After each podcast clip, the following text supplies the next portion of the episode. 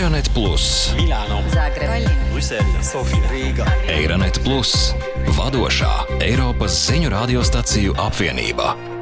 Saprast Eiropu labāk! Labdien! Mēs tiekamies kārtējā Euronet Plus Green Deal jeb zaļā kursa podkāstā. Tajā kopā ar kolēģiem no Eiropas aplūkojam to, kā mēs varam ietekmēt tā dēvēto zaļo pāreju, ko ir uzsākusi Eiropas Savienība. Šajā sērijā mēs aplūkosim to, kā aviācijas nozarei sokas ar kaitīgās ietekmes uz vidi samazināšanu. Aviācijas nozare ir viena no lielākajām siltumnīcas efektu izraisošo gāzu radītājām. Saskaņā ar Eiropas parlamenta datiem starptautiskās aviācijas radīto izmešu daudzums laikā no 1990. līdz 2019. gadam palielinājās par 146%. Bet kāpēc lidmašīnas rada tik lielu piesārņojumu salīdzinot ar citiem sabiedriskā transporta veidiem? Galvenokārt tāpēc, ka lidaparāti izmanto degvielu, kuras sastāvā ir kerosīns, stāsta doktore Antonella Lita, kura ir koordinātore organizācijas International Society of Doctors for the Environment Itālijas nodaļā. Viņu intervēja kolēģi no Radio 24. e Fosilā kurināmā, piemēram, ogļu, naftas vai kerosīna, sadegšanas rezultātā gaisā izdalās putekļi, smagie metāli, slāpekļa oksīds un sēra oksīdi, kas visi ietekmē cilvēku veselību un arī maina klimatu. Bieži tiek aizmirsts, ka lidošana ar lidmašīnām ir vienīgā cilvēku darbība, kas stratosfēras līmenī izdala piesārņojošās vielas. Šajā līmenī notiek kritiskas ķīmiskās reakcijas, kas ir saistītas ar siltumnīcas efektu. Tāpēc katru reizi, kad runājam par klimata pārmaiņām, bet nepieminam ceļošanu ar lidmašīnām, mēs zinām, ka mūsu cīņa pret klimata pārmaiņām jau no paša sākuma ir ļoti nepilnīga. In una condizione di grande debolezza. 2016. gadā Startautiskā civilās aviācijas organizācija pieņēma rezolūciju, kas nosaka globālos standartus CO2 emisijām starptautiskajā aviācijā. Starptautiskās aviācijas radīto oglekļa emisiju izlīdzināšanas un samazināšanas schēmas mērķis ir panākt oglekļa neitrālu izaugsmi sākot ar 2020. gadu, papildinot citus pasākumus, piemēram, tehnoloģiskos jauninājumus darbības uzlabojumus un ilgspējīgu aviācijas degvielu. Bet tas ir plāksteris, jo ar emisiju stabilizēšanu vien nepietiek. Eiropas Savienībā iespējams vairāk nekā jebkur citur pasaulē ir ļoti svarīgi uzturēt savienojamību un mobilitāti, taču obligāti ir jāatrod alternatīvi, zemes emisijas vai bez emisijas veidi, kā pārvietoties. Lai gan dzelzceļa tīkls nodrošina pienācīgu alternatīvu daudziem īsākiem braucieniem, tas nevienmēr ir risinājums. Un lai gan tehnoloģiju attīstība ir padarījusi attālinātas sanāksmes arvien dzīvotspējīgākas, fiziskas tikšanās dažreiz ir nepieciešamas. Tas bija viens no tematiem, kurus apsprieda jūnija beigās Francijā notikušajā mobilitātei veltītajā konferencē Connecting Europe Days. Pasākumā galvenā uzmanība tika pievērsta Eiropas Savienības viedās mobilitātes stratēģijai un nākotnes transportam, analizējot un izceļot visprogresīvākās inovācijas un aplūkojot aviācijas zaļo pārveidi.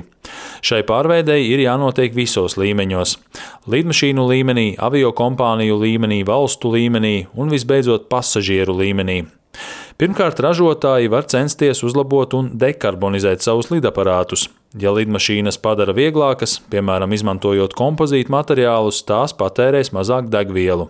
Turklāt tā sauktajiem neoreaktoriem ir nepieciešams mazāk degvielas, kas ļauj samazināt lidmašīnu degvielas patēriņu par aptuveni 2 līdz 4 litriem uz cilvēku uz 100 km.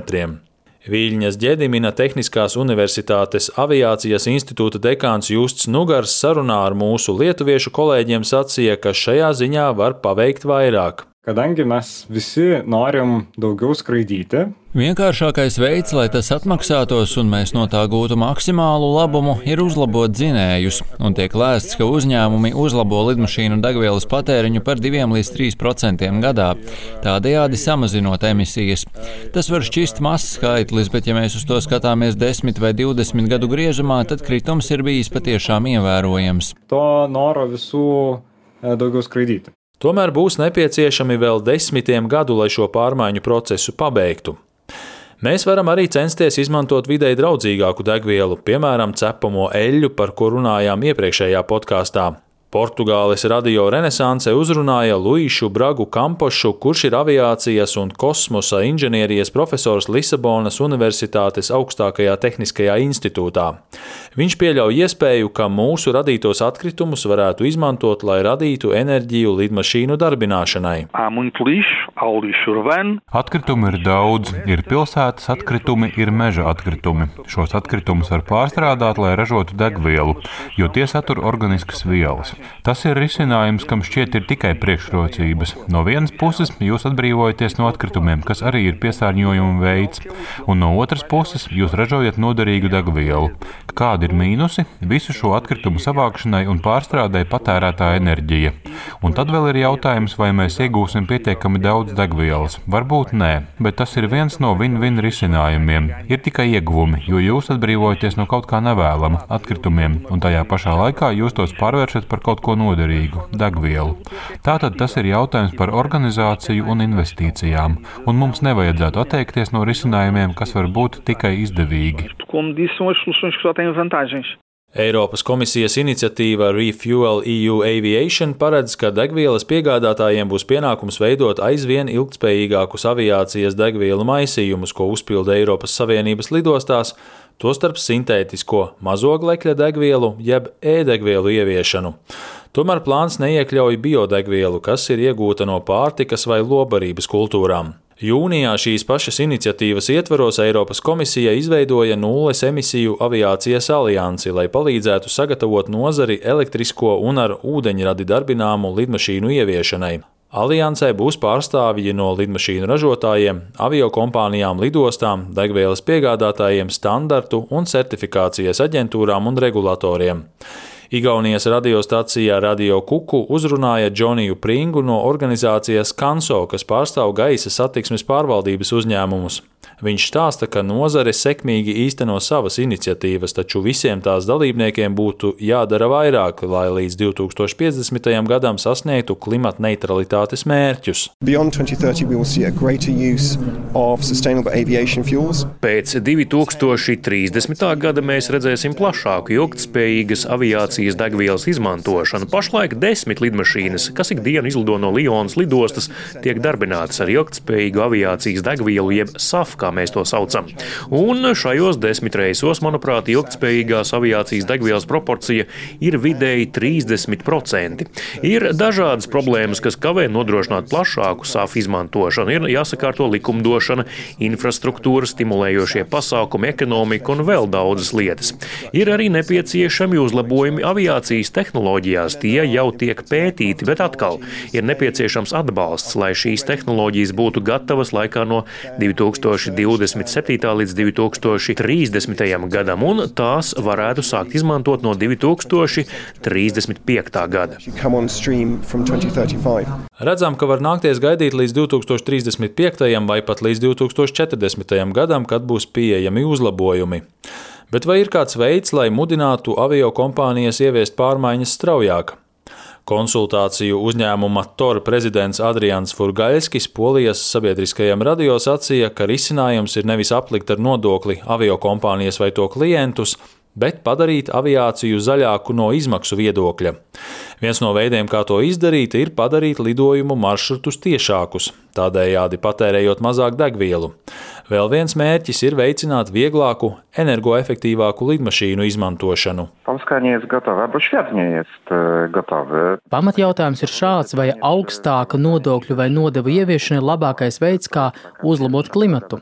Es tāpat kā Startautiskā gaisa transporta asociācija par to šaubos. Pašas aviokompānijas vēlas samazināt savu negatīvo ietekmi uz klimatu, jo tas nozīmē arī ietaupījumus. Piemēram, lai samazinātu izmaksas, aviokompānijas iegādājas jaunus lidmašīnu lidaparātus, kuru eksploatācija ir ne tikai lētāka, jo ietaupa līdz 15% degvielas, bet arī palīdz saudzēt vidi. Eiropas Savienība īsteno tā saukto debesu reformu, kuras mērķis ir uzlabot mūsu kopējās gaisa telpas pārvaldību un vienkārši sakot, iztaisnot lidojuma maršrutus. Tas joprojām nav īstenojies, bet tik vienkārša Eiropas Savienības rīcība radītu līdz pat 10% mazāku CO2 emisiju apjomu. Frederiks Dobruškes ir geogrāfijas profesors Briseles Brīvajā universitātē un eksperts transporta un vides jomā.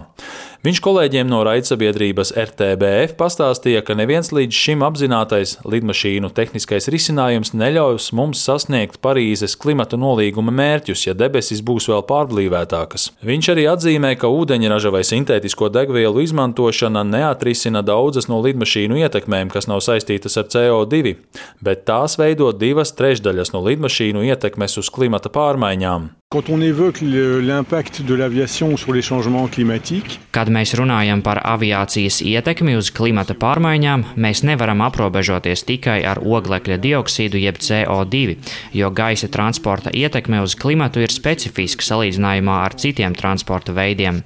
Ietekme, kas nav saistīta ar CO2, ir lielāka par CO2 ietekmi. Aptuveni runājot, tikai trešā daļa no aviācijas ietekmes uz klimatu ir saistīta ar CO2. grosso modo, il y a un tiers d'effet CO2 Pārējās divas trešdaļas ir saistītas piemēram ar ūdens tvaikiem, slāpekļa dioksīdu un kvēpiem. Noteiktos mitruma un temperatūras apstākļos kvēpu daļiņas iekapsulējas ledus kristālos. Tās izraisa tā saucamās izplūdes grīstas veidošanos, jeb baltās līnijas, kuras paliek aiz lidmašīnām debesīs lielā augstumā. Tās veicina klimata pārmaiņas. Pētījumi liecina, ka izplūdes grīstes biežāk veidojas noteiktos apgabalos, tāpēc lidmašīnu novirzīšana ap šiem apgabaliem, nepagarinot lidojumu maršrutus, var būtiski samazināt piesārņojumu. Tomēr šādas izmaiņas visticamāk nenotiks bez jaunu likumu ieviešanas.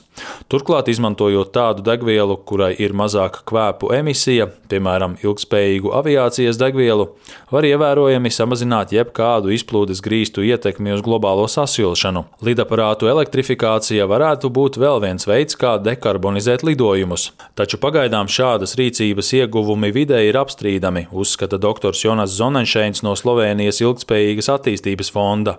Ar viņu sarunājās Slovenijas sabiedriskā televīzija. Glede letenja na elektriko pa potrebno tehnologija žal ne bo na voljo še vrsto let. Šāda veida tehnoloģijas, diemžēl, nebūs pieejamas vēl daudzus gadus. Bateriju izmēri un to darbības ilgums ir galvenie šķēršļi, kas ir jāņem vērā, lai lidojumi ar elektriskajām lidmašīnām kādreiz kļūtu par realitāti.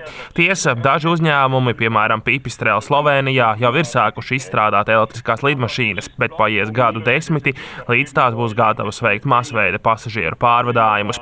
Turklāt lidošana ar elektrību ir tikai tik zaļa, cik elektrība, ko izmanto bateriju uzlādēšanai, un tas pats attiecas uz degvielām, kas ir sintēzētas ar elektrību, tā saucamajām e-degvielām.